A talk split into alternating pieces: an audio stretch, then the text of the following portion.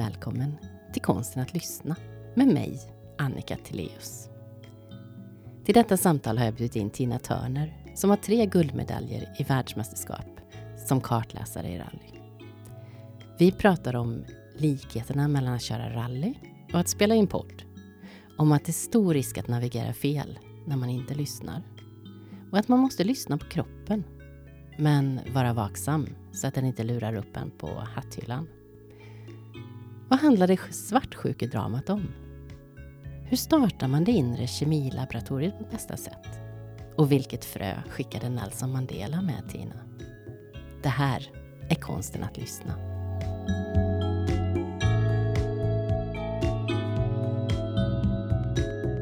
Innan vi börjar så har jag en ritual. Jag har en poddbön och den går så här. Jag bjuder in den klokaste delen av mig till detta samtal. Låt mig vara öppen, äkta och närvarande. Låt samtalet vara varmt, utforskande och fullt av tillit. Låt oss ta fram det bästa i varandra och välkomna det som sker. Låt detta samtal bli ett fint minne som vi skapar tillsammans, här och nu. Fantastiskt bra bön. Tack. Den var bra. Mm. Ja. Det är Vad bra att sätta mindset. Ja. State of mind.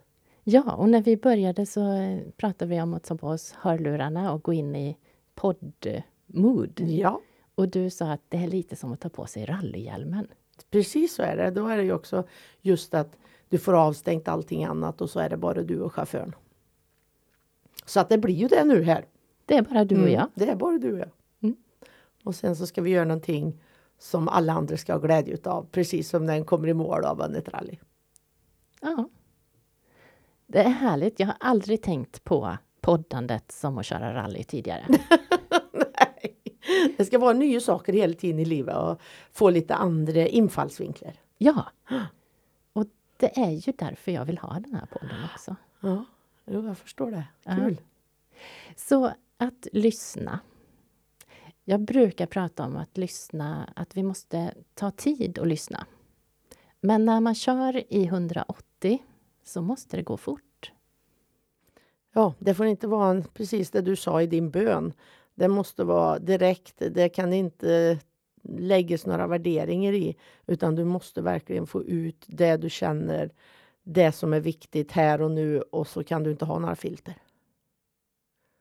Och då måste mottagaren på andra sidan också kunna ta till sig det och inte lägga några värderingar eller framför allt inte inkludera som sig själv i det utan att du står utanför där. För annars skulle det bli väldigt många diskussioner efter eller under tiden eller en skulle hamna i ett tillstånd där den tycker att den blir eh, nedtryckt eller inte sedd eller sådär för att det är väldigt snabba puckar och känslotillståndet på den bakom ratten kan förändras på en tusendels sekund och ja, utstrålar rädsla, förundran, besvikelse, allt det där som man går igenom när den tar beslut och till, tilliten mellan varandra är hundraprocentig. Liksom. Så, så att ja, jag är väldigt tränad på det. Mm. Hur gör man för att skapa en sån tillit? En sån samspel, partnerskap? Eh, jag skulle säga att det är en överlevnadsinstinkt. Därför att om det inte hamnar där så är det svårt att vara den som tar risken i det momentet som blir det avgörande där några andra har bromsat lite tidigare. Eh, så att eh, ja, det är en överlevnadsinstinkt men också ett sätt som du vet kan vara det där lilla som verkligen gör att du vinner ett rally eller inte. Och hur gör man för att som två personer få, få den förståelsen och hamna i den här tilliten? Den växer ju fram för att den ene klarar inte av att åka lika fort utan den andra. Så att det växer fram över åren och när du är i världseliten då har du gjort så många 10 000 timmar gånger x innan du har hamnat där. Och då hittar du också det som blir ditt recept för, för framgång. Och jag har hittills inte kommit över något annat recept om en ska bli bäst i världen på någonting som inte har de ingredienser i sig. Och det här med att lyssna då? Vad har du för förhållande till det? Ja, det är ju, alltså om inte jag lyssnar på min chaufför, om du inte lyssnar på ditt team, om du inte lyssnar på omvärldens sätt att ta till sig motorsport, ja, då blir du en ignorant eh, farkost som väldigt lätt kan navigera fel och inte blir en del i det, det cirkulära eller i hållbarheten för att kunna tävla. Så att det är lyssnande på många olika plan, absolut. Hur bra är du på att lyssna på dig själv? Där är jag nog allra bäst att lyssna på mig själv. Jag har under 20 års tid aldrig behövt ta medicin. Jag jobbar enormt mycket förebyggande med min kropp. Eh, det har jag gjort genom att jag flyttat till Schweiz där de har ett, en helt annan syn på hur vi hanterar oss själva och lyssnar på oss själva. Och att det är mycket med just kontrollen av kroppen, känslor, tankar, värdena i relation till hur du mår, hur är ditt privatliv, vad gör du, hur agerar du? Så att i och med att det har blivit så mycket, mm, om vi säger då pro, pro, pro action, så har det också gjort att kroppen har kunnat hålla sig frisk och hel. Sen är det ju slitage, ja, men det är som på en bil liksom. Du slits ju ner över åren. Det är ju inget konstigt. Ju äldre du blir, ju mer slitage blir det. Och kroppen kanske inte var gjord för att vi skulle leva i 120 år, våra ben och knän utifrån vad vi utsätter dem för. Utan det var väl mer att leta mat på savannen utifrån om vi ska lyssna på Anders Hansson då. Så, så den värld vi har skapat har ju inte kroppen och kroppens funktioner hängt med, hängt med lika bra och så snabbt som våran utveckling har gått. Så att det gör väl att lyssnar du inte på kroppen och förebygger så ja, men då får du lyssna och må dåligt istället på kroppen som utsöndrar värk och smärta och vad det nu sen kan vara, och högt blodtryck och allt det där och allt det där. Så att nej, jag är jättetacksam för att jag fick hamna i en kultur Eh, där de lär sig att lyssna på kroppen och istället förebygger Då, där läkare är både då har alternativ medicin men också våran akademiska medicin och att en kan välja, anpassa. Och det har ju gjort att idag, jag, jag, visst jag köper ett paket huvudvärkstabletter ifall att och allt är det någon runt omkring en som behöver. Men eh, själv, ja, säg att jag använder en huvudvärkstablett var tredje år. Kanske. Men då vet jag oftast, då också vet jag också varför jag hamnar där. du har druckit för lite, sovit för lite, varit under stress och press, inte kunnat ge återhämtning åt kroppen. Um, och då sänder ju kroppen direkt signaler så att uh, lyssnar den på den så ja. Mm. Jag känner igen mig väldigt mycket i det. Jag har traditionellt varit eh, mycket uppe i huvudet. Fattat beslut, smarta beslut eller genomtänkt så. Och sen insåg jag att, nej men vänta lite. Det är ju kroppen som vet saker och ting först. Och när jag pratar med min syster säger ah, men jag har lite, ja, säger hon, men din kropp är ju som en skvallertant. Mm. Och den eh, talar om när jag kanske är på ett ställe där jag inte borde vara. I ett sammanhang där jag inte riktigt kommer till mig rätt. Då, eh, då vet kroppen det innan jag fattar och vågar göra något åt det. Absolut, det är det. Men ibland så kan också kroppen lura upp en på hatthyllan. Så en, får, en måste vara selektiv med vad kroppen sänder ut också. Berätta, hur tänker du runt hatthyllan? Jo, runt hatthyllan så tänker jag också att ibland så är det ju så att på grund av att han tar till sig många signaler från vår omgivning så kan det ju vara att den försätter oss i ett skrämt läge eller ett läge där vi inte vågar visa våra framfötter eller vi tror att X, Y, Z och så visar vi inte vårt bästa oss själva i den situationen utan håller oss tillbaka. Så att ibland så är ju signaler också att vi måste ifrågasätta signaler om de är trovärdiga. Så att den inte bara börjar på att säga ja, men jag håller på med magkänslan.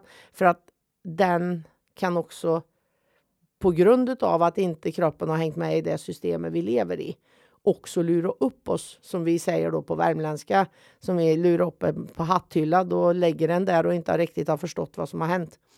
Eh, och eh, så att eh, ja, vi ska lyssna på kroppen, men alla gånger så måste den också zooma ut och jämt tänka till. Är det här det som är bäst för mig här och nu? Är det verkligen det här jag ska göra? Ska jag hålla mig tillbaka? Eller är jag för våghalsig just nu? Är jag för liksom... Eh, så att den också ibland zoomar ut och ifrågasätter vad kroppen sänder för signaler så att eh, den inte bara följer. Så att det finns två sidor till ett mynt som allting annat. Mm. Och den här våghalsigheten och rädslan. Jag föreställer mig att någonstans så måste du koppla förbi den. Ja, men det är ju, då kommer vi tillbaka till tilliten eh, och att du tillsammans med din förare vet när vi behöver testa gränser. Eh, jag tror att det var Picasso som sa det, att den ska lära sig lager som en professionell, men en ska tänja på dem som en konstnär. Och det är ett motto som jag tycker att jag kan implementera på många delar i mitt liv. Inte just bara lager och, utan också ja, det här rädslor, hur kroppen sänder ut. För det är helt naturligt att kroppen sänder rädslor när du försöker att övervinna Newtons lag. Men skulle vi lyssna på den då om vi ska vinna ett rally så skulle ju inte det funka. Men då måste du vara i synk med din förare så att du vet att nej men, vi är beredda att ta den här risken. Och det är också genom att vi stretchar på våra förmågor som vi också sätter ett nytt lägsta värde. För att då lär sig celler och då lär sig kroppen att shit, det här klarar vi ju. Jaha, ja, men då kanske vi klarar det nästa gång också lite lättare än första gången innan du övervann det. Så att ja, eh, jag jobbar med alla mina celler i kroppen. Redan när du vaknar på morgonen så startar du igång ditt system på ett positivt sätt. Ja. Hur gör du? Det är ju, nu har jag nog blivit 57 år och, och, när du vill vara bäst i världen och när du har 13 rally per år i VM eller du har ett Dakar med tre veckor och en vilodag. Utifrån vad jag har lärt mig och jag sett så är det ju så att om du inte är i ditt bästa tillstånd så kan inte kroppen hjälpa dig med alla hormoner för att försätta dig i vad vi inom sporten kallar flow. Flow innebär att du är ett med här och nu omständigheter. Och det är oftast då du gör de bästa resultaten. Det är då du presterar som bäst. Det är en bra hormoncocktail i kroppen som supporter ditt huvud om vi säger så utifrån målet du har sett. Eh, så att det innebär att vi väldigt tidigt i vårt mentala träningsprogram lärde oss att försätta oss i det bästa tillståndet. För ger du inte kroppen chansen att vara i det tillståndet redan när du vaknar, oavsett vart du vaknar, oavsett vad som hände igår, oavsett, så kommer du inte att kunna leverera här och nu och ta det bästa av kroppen eller ge kroppen chansen att leverera det bästa den kan. Så att det har varit ett mantra som har blivit och det kör jag varje dag och många frågar sig, ja men Tina hur kan du vara glad varje dag? Det är ju motgångar och det är tragiska händelser och så. Ja, men det hjälper ju inte min kropp att leverera sitt bästa sig själv om jag är i ett dåligt tillstånd eller jag är i ett um, ledset tillstånd eller jag är i något tillstånd där du vill kanske hämnas på någon eller trycka ner någon eller bli sedd för att någon har sagt någonting som har sårat dig. Liksom. Eh, det som var igår, det är liksom färdigt. Det kan jag inte ändra på, det kan jag inte förändra, men jag kan absolut påverka här och nu. Så att mitt mantra är, är du frisk och kry, då går du upp på morgonen, försätter dig i det tillståndet. Och hos mig har det blivit sola i Karlstad. Det är sola skiner, it doesn't matter the weather outside. Eh, och det beror inte på omständigheter runt omkring mig. Jag kan verkligen försätta mig i ett tillstånd där jag har kraft och energi och låter Selra få känna en glädje för att vi får ännu en dag i jordelivet. Och eh, med, den, med det mindsetet går jag ut och möter världen. Sen så är det enormt mycket tragiskt runt omkring mig. Men skulle jag gå och tycka synd om det eller grubbla på det eller gör, då kan inte min kropp leverera, tror jag, då, det bästa potentialen i det jag kan vara med och bidra med eller kan förändra eller kan påverka eller är en del utav. Så att eh, ja, därför så har jag det mindsetet. Det är tränat sedan många år. Det finns inga andra tankar som kommer. Det är framåt, uppåt, gör det bästa av dagen, ha en glädje inifrån och stråla den utåt som sola i Karlstad. Underbart. Och du har ju ett brinnande engagemang för att också göra världen lite bättre och skapa förutsättningar. Absolut. Jag menar, det är väl tittar på alla generationer före oss så har vi ju utifrån vad vi tycker och tänker i alla fall och vår vetskap idag har vi aldrig haft det så bra. Rosling var ju en som, som eh, sätter nummer på det. Eh, och eh, vi jobbar för att få ett bättre för många fler. Eh, så att jag tror att en kanske inte tänker på det, men ju mer var och en kan bidra i sin, i sin närområde, det gör ju också att det genererar ut i resten som påverkar någon, som påverkar någon, som påverkar någon. Um, och jag tror att, vad var det, hur många, om man nu tittar på statistiken på LinkedIn, så om du hade en kompis, eller i nätverket då, så här många i förstahandsvalet, alltså första hand, och du hade 10 000 i första hand eller vad det nu sen var, då, så hade du i princip jag vet inte hur många miljoner utav connections du hade runt om i världen. Så att då kan en ju bara gå tillbaka till sig själv. Gör jag det här eller utstrålar jag det här för en eller två så kommer det att ge, ge ringen på vattnet och då sprider sig det mycket snabbare. Så att ja, där har jag varit och jag tror att det har att göra med att du har sett, jag har levt med de fattigaste i världen. Jag har ett barnhem sedan 2010 i Centralafrikanska republiken. Vi har gått igenom två inbördeskrig. Jag har haft barn slaktade med macheta för att de har trott på fel religion utifrån vad då den militära styret har varit. Eh, hämndaktioner. Nu sist, eh, ledare för barnhemmet skulle iväg. Vi hade då fått ekonomi, hyrt en bil. Då var det män som tyckte att kvinnor ska inte få någon rätt. Drog ut kvinnor och satt el på den här hyrbil. De fick gå tillbaka med piskrapp liksom. Alltså, ja, vilken dag ska jag kunna vakna upp i den här delen av världen och tycka att det är synd om mig? Alltså, så där har jag ju. Sen så har jag ju också kontakter. Jag, jag är, har kontakter i, med de rikaste i världen jag, i Mellanöstern och jag har ju då tävlat tillsammans med Nasser Al-Attiyah som är en del av den styrande familjen i Qatar. Så att när jag lever och åker dit och bor på sjustjärnig hotell och får första klass och de kommer och hämtar mig i privatbil. Alltså, jag har två extrem i mitt liv. Så att naturligtvis, när du pendlar däremellan så blir det ganska obvious vart du ska lägga energin på de få jord, dagar i jordelivet du har, om du har möjlighet. Så att, eh, ja, det kommer naturligt. Och det här som kvinna, att köra sitta i en bil mm, i världselit, i topp, med en man som har en helt annan bakgrund, religion, kultur. kultur. Hur tar ja. du dig an en sån utmaning? Ja, Eller ju... du har till och med iscensatt ja, den här. precis. Jag har valt ett självmått. ja, det kan ju tyckas hur stolligt som helst. Men eh, det fanns en, ett högre syfte med det. Och den som inspirerade mig till det var ju Nelson Mandela när jag tävlade i ett eh, team och var nere i Sydafrika. Och han kom och välsignade våran bil inför Dakar, titta på priserna vi hade vunnit i det här prisskåpet. Och så säger han liksom mm, It's great. Men glöm aldrig bort att sport kan förena mycket snabbare än någonting annat. Och eh, det är där människor öppnar sig, det är där människor glömmer bort kulturer, religioner, de hejar på ett lag, de, de liksom finns på varsin sida men ändå ett gemensamt intresse, eh, dynamiken, energin, supporten. Eh, så att när jag fick chansen att välja chaufför och jag valde Nasser så gjorde jag ju det på, på grund av att eh, Jutta och jag hade ju tävlat en hel del i Mellanöstern och visste vilka utmaningar vi hade i början men också kvinnorna där. Eh, så att, ja.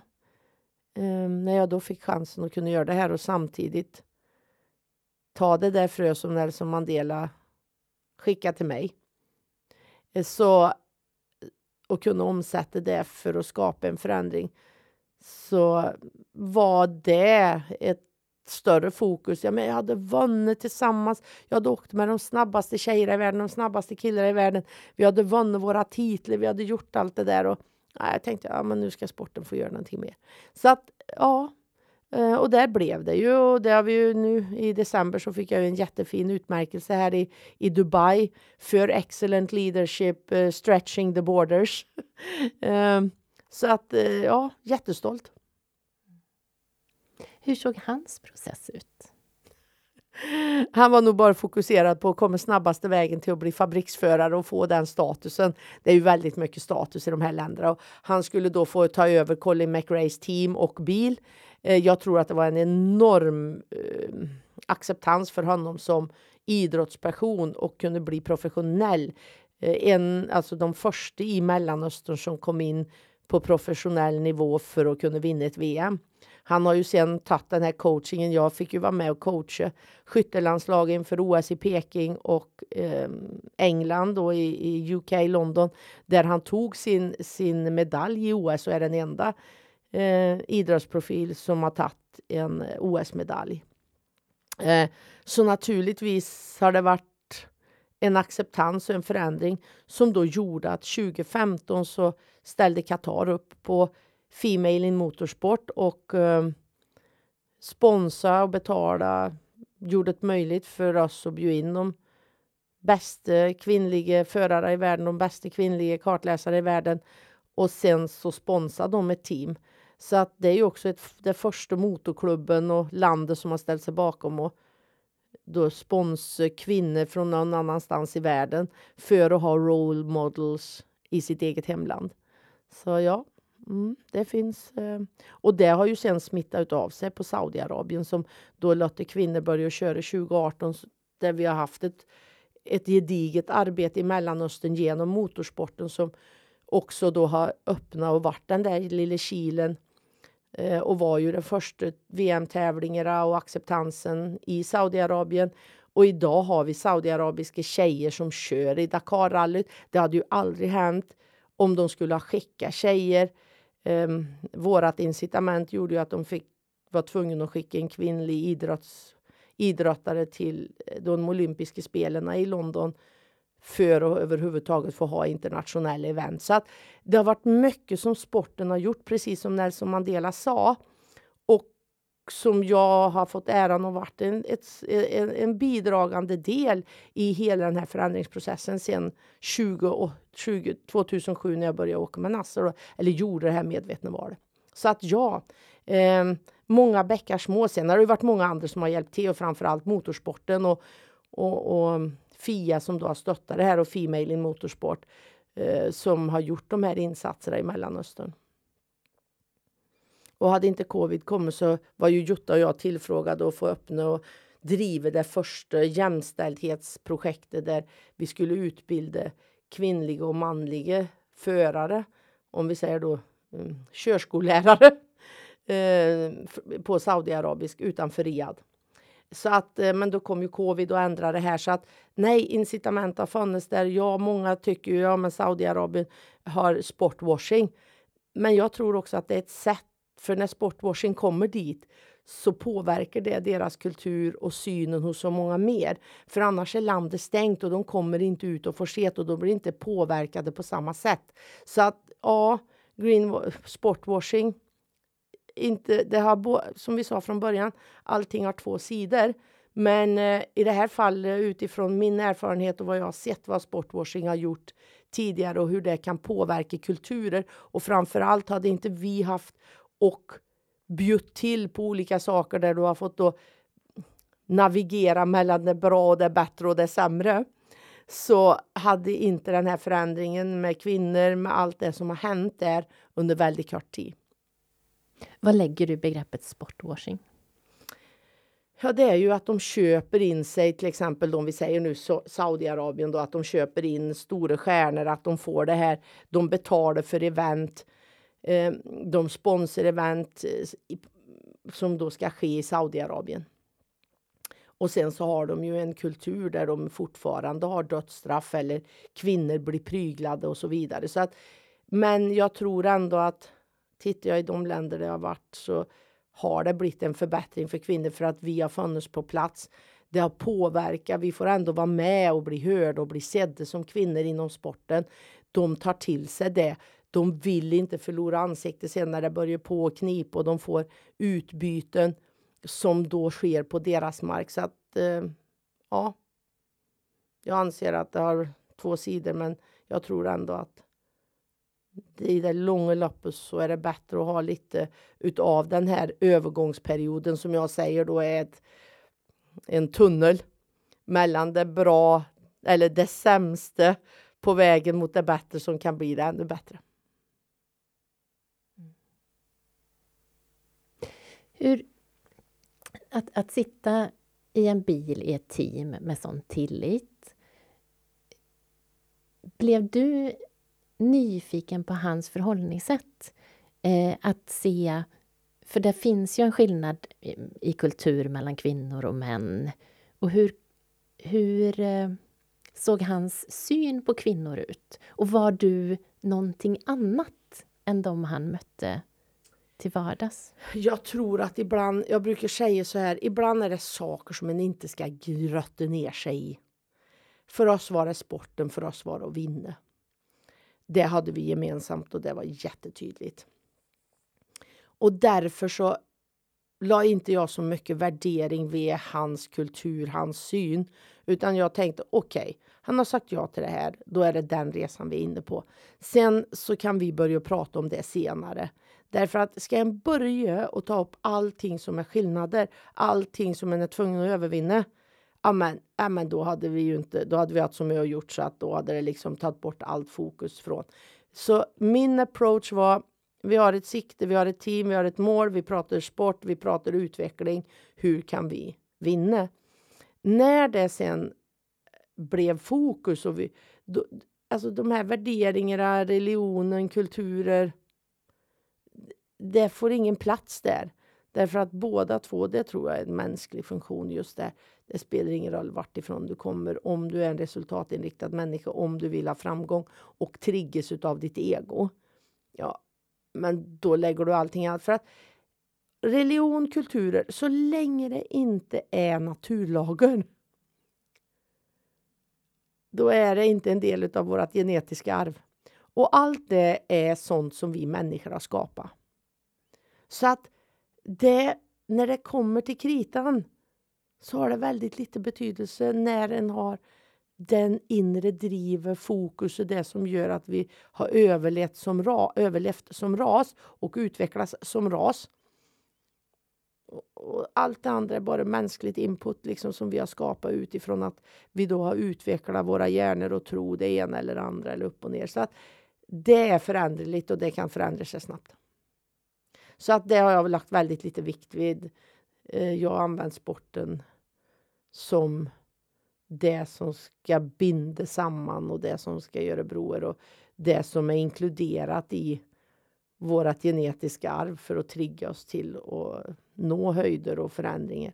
Så att ja, nej, det där med kulturer och religioner och så, det fick komma senare och sen har vi diskuterat och sen har det varit mycket mer avspänt och sen har vi hittat gemensamma faktorer och sånt som man vill behålla ändå. Men det blir en helt annan eh, dialog när den tar ett annat approach. Men inte behöva leta skillnader utan snarare Nej. likheter och vad drivs vi ja, av ja, tillsammans? Ja, du vet, vi är så krångliga. Vi gör ju så krångligt så att den blir ju så stollig så ibland så är det bara så. Men bara säga, men gud, vi har så lite tid i livet och så ska vi göra det så krångligt. Mm. Nu har du ju en helt ny roll som eh, där du tar med dig dina erfarenheter från motorvärlden och att bygga team och in i näringslivet och bygga team. Mm. Mm. Ja, då var det ju egentligen igen. Det är väl lite av Maud Olofsson som jag har haft genom åren. Vi har träffats och där och hon har alltid sagt ja, Tina, när ska du flytta tillbaka till Sverige och när ska du vara med och liksom driva någonting här? Du är ute i världen och gör en massa så här. Så att det har väl också varit en längtan till att få se hur kan vi omsätta det här in i näringslivet på ett spännande och dynamiskt sätt och hur kommer det att bemötas och hur kommer det att tas emot och eh, ja, så att nu som ny HR-chef där på Moälven Edanesågen så ser jag verkligen fram emot det och jag tror att jag är lika nyfiken på den världen som eh, Moälven Edanesågen är på hur tänker hon, hur tänker hon och vad ska hon göra och vad kommer det att bli? Sen är ju jag, jag kommer tillbaks till Picasso igen liksom. Jag vill lära mig lagar och, och förordningar precis som ett proffs. Och det är ju så i sporten. Kan du inte regelverket så kan du inte genomföra eh, tävlingen eller sporten. Och de följer ju vi till 100 procent. Sen att vi stretchar på dem, eller precis som Picasso sa, var en konstnär på tänjer på gränser eller hette väger framåt. Ja, det gör vi och det, det är också så en utvecklas. Så att, eh, jag har nu under två år försökt att lära mig allt jag kan om arbetsmiljö och lagar och förordningar och förhandlingar och fack eh, och det ena med det tredje och så där. Så att det känns jätte, jätte, jätteroligt att få omsätta det och Sen så är jag ödmjuk inför uppgiften. Eh, men jag känner att jag vill göra det bästa för att min vision om två år, kanske tidigare, men två år, ska det vara världens bästa arbetsplats utifrån att de som lever och arbetar på Moälvensågen ska ha ett mervärde. De ska ha laddade batterier när de kommer, men de ska också kunna gå in i ett state of mind och kommer hem och kunna leverera sitt bästa sig själv till sin familj och till sin vardag utanför sin arbetsplats. Och frisk och kry i kroppen naturligtvis. Och minds. Vad är det första du gör för att bygga ett team? Eh, först och främst så måste du skapa tillit. Tillit, transparens. De ska veta vart de har mig och veta vem är Tina och hur fungerar Tina. Lika gärna som jag hoppas att jag inom två, tre månader ska få ha lärt att känna alla som är delaktiga och jobbar i mitt team nu på Edanesågen. Så att eh, tilliten och transparensen, eh, det är nog de två första bitarna som jag kommer att lägga fokus på. Och framför allt så, så vill jag ju lära mig Moälven och det kommer jag få här nu. Jag ska ju på, på inskolning, säger jag. Introduktion heter det så fint på yrkesmässigt, men jag säger inskolning. Eh, här nu de första månaderna. Jag har mycket, jag ska träffa många, eh, lära mig att förstå och se eh, utifrån deras. Jag jobbar ju i Taos som skidlärare i Klippiga bergen under en tid när jag gick eh, på en flygskola i USA. Eh, och då Eh, Eh, på det här resortet så var det många indianer som jobbade som bodde i Taos. Så jag spenderade helgerna med dem på kvällar och sådär. Eh, de sa det, Tina, kan aldrig och prata aldrig om någonting och försök inte att förstå förrän du har gått i den andra persons mockasiner. Eh, så att jag vill ta på mig och gå i Moälvens mockasiner här ett par eh, månader framöver och få känna och förstå och få insikter innan, precis som indianerna sa, innan en börjar på att tycka och tänka och förändra och tro och vill göra det till det bättre utifrån vad då? Vad är det som är bättre för dem? Vad är det som är bättre utifrån de förutsättningarna som ges där? Eh, Tina kom ju med en enorm komplexitet för att jag har fått levt och utvecklas och varit i så många olika miljöer. Så att eh, precis som med Nasser Eh, vi har ett mål i sikte. Vi har Moälvens visioner och strategier och mål. Ja, absolut, de kommer att få vara i, i, i framsäte. Och sen så ska vi på bästa sätt följas åt som team och kunna förverkliga det tillsammans med våra bästa kroppar och våra bästa minds, liksom hjärnor, eh, som bistår det så att vi samtidigt på den resan har roligt i jobbet men absolut professionalitet. Samtidigt som jag också vill vara med och utveckla oss tillsammans. Att vi bidrar till när vi går, lämnar vår arbetsplats också till samhället och till våra familjer hemma med det bästa av oss själva. Vilken fantastisk vision. Ja, det är den som jag deklarerar för min VD.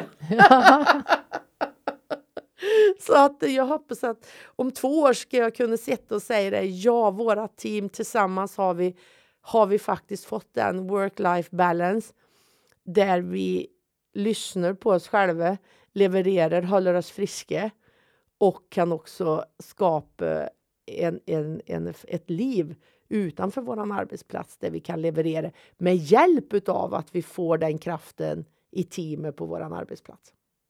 Fantastiskt. Jag föreställer mig att det finns en del, rätt många i arbetslivet och näringslivet som inte har jobbat med mm, sin mentala bit. Ja, det vet jag. Det är en så liten del och det är skrämmande egentligen när vi har så mycket forskning som vi har i Sverige och när det läggs så mycket pengar på det och vi vet så mycket mer att inte det omsätts i näringslivet. Så att eh, jag hoppas att Edanesågen ska bli en förebild för det och att vi ska kunna leverera ett, eh, ett, ett eh, inspirationsupplägg när det gäller just den här biten också. För att det, det, hos mig är ju det en stor bit och det kommer jag naturligtvis att dela med mig av till mitt nya team nu. Absolut. Mm. För den som är helt ny på det området, vad är det första du skulle ge som tips? Att börja sin mentala träning. Mm. Eh, det är en forskare uppe på Umeå universitet, Stefan Söderfjell, som jobbar med Anders, som har tagit fram faktiskt en licensiering och den vill jag gå nu.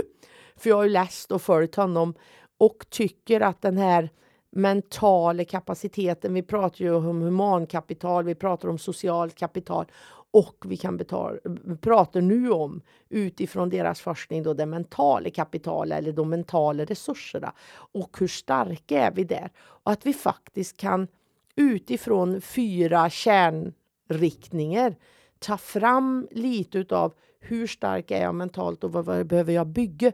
För jag tror att annars har mental träning, det som vi gör inom sporten, blir väldigt flummigt och det blir också personligt. Så att jag utifrån det jag är nu när jag kom in i, i, i yrkeslivet på det sättet så skulle jag hellre vilja jobba med mer evidensbaserade mentala verktyg som jag tycker att de har tagit fram på ett bra sätt. Och eh, den här eh, Sex hormoner, den här boken som också, nu glömmer jag bort hans namn också. Som han David skrev. Phillips. David Phillips, tack! Gud vad bra du är på namn. Tack, tack, tack.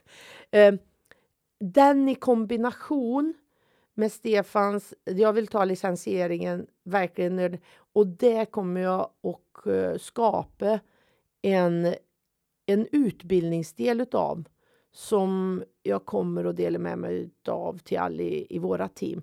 Så att jag, jag vill prova det, jag vill göra det tillsammans med mitt nya team och följa det förloppet med den typen utav inte bara det här med att vi ska ha en hälsotimme eller vi har en peng som är avsatt för den fysiska hälsan.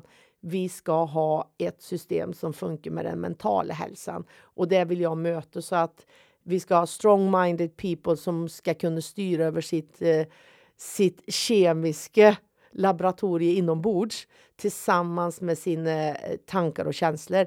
Så att det hoppas jag också att om två år att du ska kunna intervjua mig och komma till Moälven, till Edanesågen och intervjua mina medarbetare och kollegor där. Eh, och de ska kunna berätta det här för dig. Ja. Jag kommer. Tack. Jag ser fram emot att ja. höra det. Ja. Och, och, då är det inte jag som ska prata, då ska du intervjua dem istället. Mm. Och på den här vägen så hoppas jag att de också lär sig att lyssna både på sig själva och på varann? Det är en, en del i mental träning och det är ju eh, om vi nu kommer tillbaks till sporten. Det är ju där allting börjar och det är ju det som är mental träning eh, utifrån att det börjar in hos dig själv när du har kontakter med dina celler, förstår din kropp, förstår dina tankar, kan välja tankar. Att du inte väljer det som är energitjuvar utan du väljer tankar som är istället små kärnkraftverk. Så att eh, absolut, det, det behöver du inte vara orolig för. det är bra. Jag, har, jag brukar i varje samtal ha ett litet medskick yes. till, den, till dig som lyssnar. Och jag tänker så här, hur skulle du vilja börja varje morgon? Vad skulle du vilja höra när du vaknar? Och uppmuntra dig till att vilka ord, vem skulle du vilja sa någonting till dig som fick dig på gott humör, som fick dina resurser att vakna till liv inför en dag? Vill så, du ha svar på det nu med en gång? Nej, jag behöver inte ha svar från dig. Jag tänker att jag ger det här en liten uppmaning. Jag, vi Men jag ha kan ditt berätta, svar också. ja, det får ja. du. Därför att jag älskar fågelkvitter. Ja. Så att jag sover med öppet fönster. Och nu har jag fiskmåsar, så den är inte, det är ju inte den bästa. Men då finns det så att jag har haft en sån här wake-up-lampa som har fågelkvitter. Och då kan den välja olika fågelkvitter och så startar den här lampan successivt med, med ett ljussken som är behagligt för mig. Som en kan ställa in. Så yes, det är så jag vaknar. Det är fantastiskt. Och sen öppnar jag gardinerna, rullgardin. Och sen så tar jag in. Jag bryr mig inte om vädret. För att jag bara är så glad för att titta ut och veta att ögonen får se en dag till i jordelivet. En dag till. Yes. Mm. Another day in paradise. Precis. Superbra tips. Och jag tänker dra det här ett steg längre. Att om du har valt fågelkvitter eller några ord du skulle vilja att någon sa till dig på morgonen. Välj dem och spela in dem som ett röstmemo som du kan spela upp för dig själv på morgonen. Eller kanske till och med be någon annan läsa in och så kan du lyssna på det när du borstar tänderna. Ska jag berätta något roligt för dig nu då? Ja. Jag coachar ju hockeyspelare och de här pojkarna hade så svårt att komma upp på morgonen. Då spelar jag in their wake-up call. Precis det du berättar nu. Så då spelar jag in det för pojkarna så att de skulle kunna ha det på sitt alarm. Så att precis det du säger, det här var 2015, 2013. Och så spelar de in det här och sen så var det ju en kille som kommer till mig då. Tina, våran morgonritual vet du. Den synker inte längre. Men gud, säger jag, vad har blivit nu då? Du var ju så positiv och det här har ju försatt dig i så bra stämning. Det var ju så du önskade, liksom att det här med Sola i Karlstad och jag berättar det här. God morgon världens bästa XXX och så du vet, nu har vi mindsetet Sola i Karlstad går på skit. Bla, Och så hade vi gjort det här som en skön morgonritual, spela in. Du, då hade ju han fått en tjej. Och hans tjej var så svartsjuk så hon trodde att han hade några mammakomplex med mig eftersom han ville lyssna på min röst varje morgon när han vaknade. Så hon hade skällt ut den efter noten och talat om att han var psykiskt störd för att han hade sin coach. Så han måste ha mammakomplex. Åh oh, gud, vilken resa. Så jo, eh, det där ska en Absolut är det värdefullt. Jag har testat, det funkar skitbra. Det funkar bra för andra och vi hjälper varandra som ett coaching. Men jag vill då skicka med alla som gör det här. Tänk på att spela in då din egen röst. Ta inte din mentors röst så att det blir svartsjukedrama på morgonen. Den, den till. Det mindset är inte bra. Det vill vi inte ha. Så jag tänkte just som en när du säger det är superbra, ta till oss, det ska vi göra och jag har gjort det och eh, jag gör också åt andra. Så ja, hur skulle det kunna låta om du skulle göra ett sånt till mig? Då måste jag känna det mer. Mm. Alltså, de killar jag coachar nu, de lär jag ju att känna och förstå och vi heter någonting tillsammans. Det är ju ingenting som det pratar, eller i min värld i alla fall, så pratar vi oss till det. Vad är det som ger dig energi? Precis de här frågorna du ställer. Och det lägger vi då in. Nu har det varit jag som har spelat in det för de har tyckt att det har varit så roligt med Tinas värmländska eller min positiva ställning eller de hör i våran, co i våran coaching då. Så att mm, jag får, vi behöver nog eh, känna, det är ju ett, ett viktigt budskap. Så att den kan ju inte ta för lätt på det heller utan det ska ju verkligen starta det inre kemilaboratoriet på ett bra sätt där du verkligen du frågar mig vilka ord. För mig räcker fågelkvitter, fåglar, delfinljud. Jag har också en blandning av religiösa hymner som jag fick till mig när jag gick en utbildning i USA som då var på en CD som har följt med mig i snart 20 års tid. Det här gjorde jag 2006 i USA. gick jag på utbildning. I, delvis då mental träning också. Och de här hymnerna, det är också någonting. Alltså ord behövs ibland inte, för ord kan bli så enformiga. Men tar du in naturens ljud eller varvar naturens ljud så säger ju naturen, eller djurs olika ljud ger ju så mycket för ord. Absolut har ord stor betydelse och påverkar oss enormt mycket. Men om man just inte hittar de där orden så tror jag att spela in lite hymn, alltså någonting där du känner att alla celler i kroppen mår Kanske bra. så enkelt som att ha sin favoritlåt som väck, ja, väckarklocka. Precis. Behöver inte vara mer. Det har ju många. Mm. Men en ska helst inte se nyheterna. De kan en se lite längre fram på dagen. För de är energisugare. Så det är någonting som jag säger till, eller när jag coachar. Nyheterna, absolut. Men tar dem gärna efter frukost och har, kommit, har träffat någon eller gjort något innan en suger in det. För då har en inte så att det har ett starkt mindset så är det ju lätt att en dras med sig av det och kommer med den känslan när en går ut genom dörren av hopplöshet, sorrow, eh, ledsamheter. Eh, och det vill en ju faktiskt inte ta med sig på morgonen när en ska möta resten av dagen. Så att eh, det kan en ta efter en har skrattat och druckit kaffe med sina kollegor eller kompisar eller vad det nu sen är. Så kan en ju svänga in lite nyheter när en har kommit bra state of mind. Och inte ta dem sist på kvällen innan man ska somna heller? Nej, gud i himmel. Absolut inte. Det är inget bra att gå och lägga sig att alla celler, även om man tror att den inte påverkar så gör vi ju det. Och framförallt det undermedvetna. Så att eh, då skulle jag istället läsa en bok, tänk efter tacksamhet. Vad har du gjort för någon i din omgivning som har växt? Vilka har du gett växtkraft under dagen?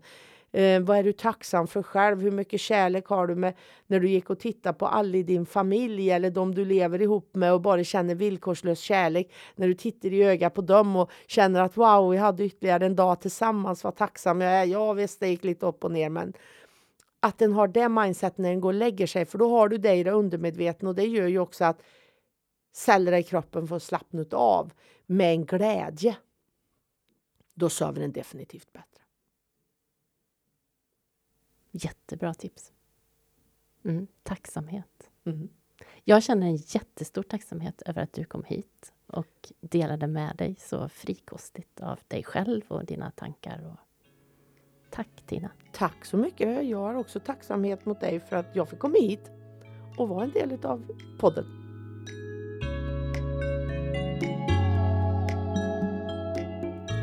Nelson Mandela planterade ett frö i Tina när han sa Glöm aldrig bort att sport kan förena mycket snabbare än något annat. Med intentionen att sporten ska göra något mer har Tina öppnat dörrar och skakat om världen på ett väldigt positivt sätt. Ett sätt att bidra till en bättre värld är att välja sina tankar. Undvik energitjuvar och välj tankar som är som små kärnkraftverk vad gör du för att känna glädjen inifrån och stråla ut den i världen? Jag hoppas att vårt samtal har varit ett vitaminpiller som startat igång ditt inre kemilaboratorium på ett bra sätt. Lyssna gärna på avsnitt 27 med Magnus Kull som ger konkreta verktyg för att byta perspektiv.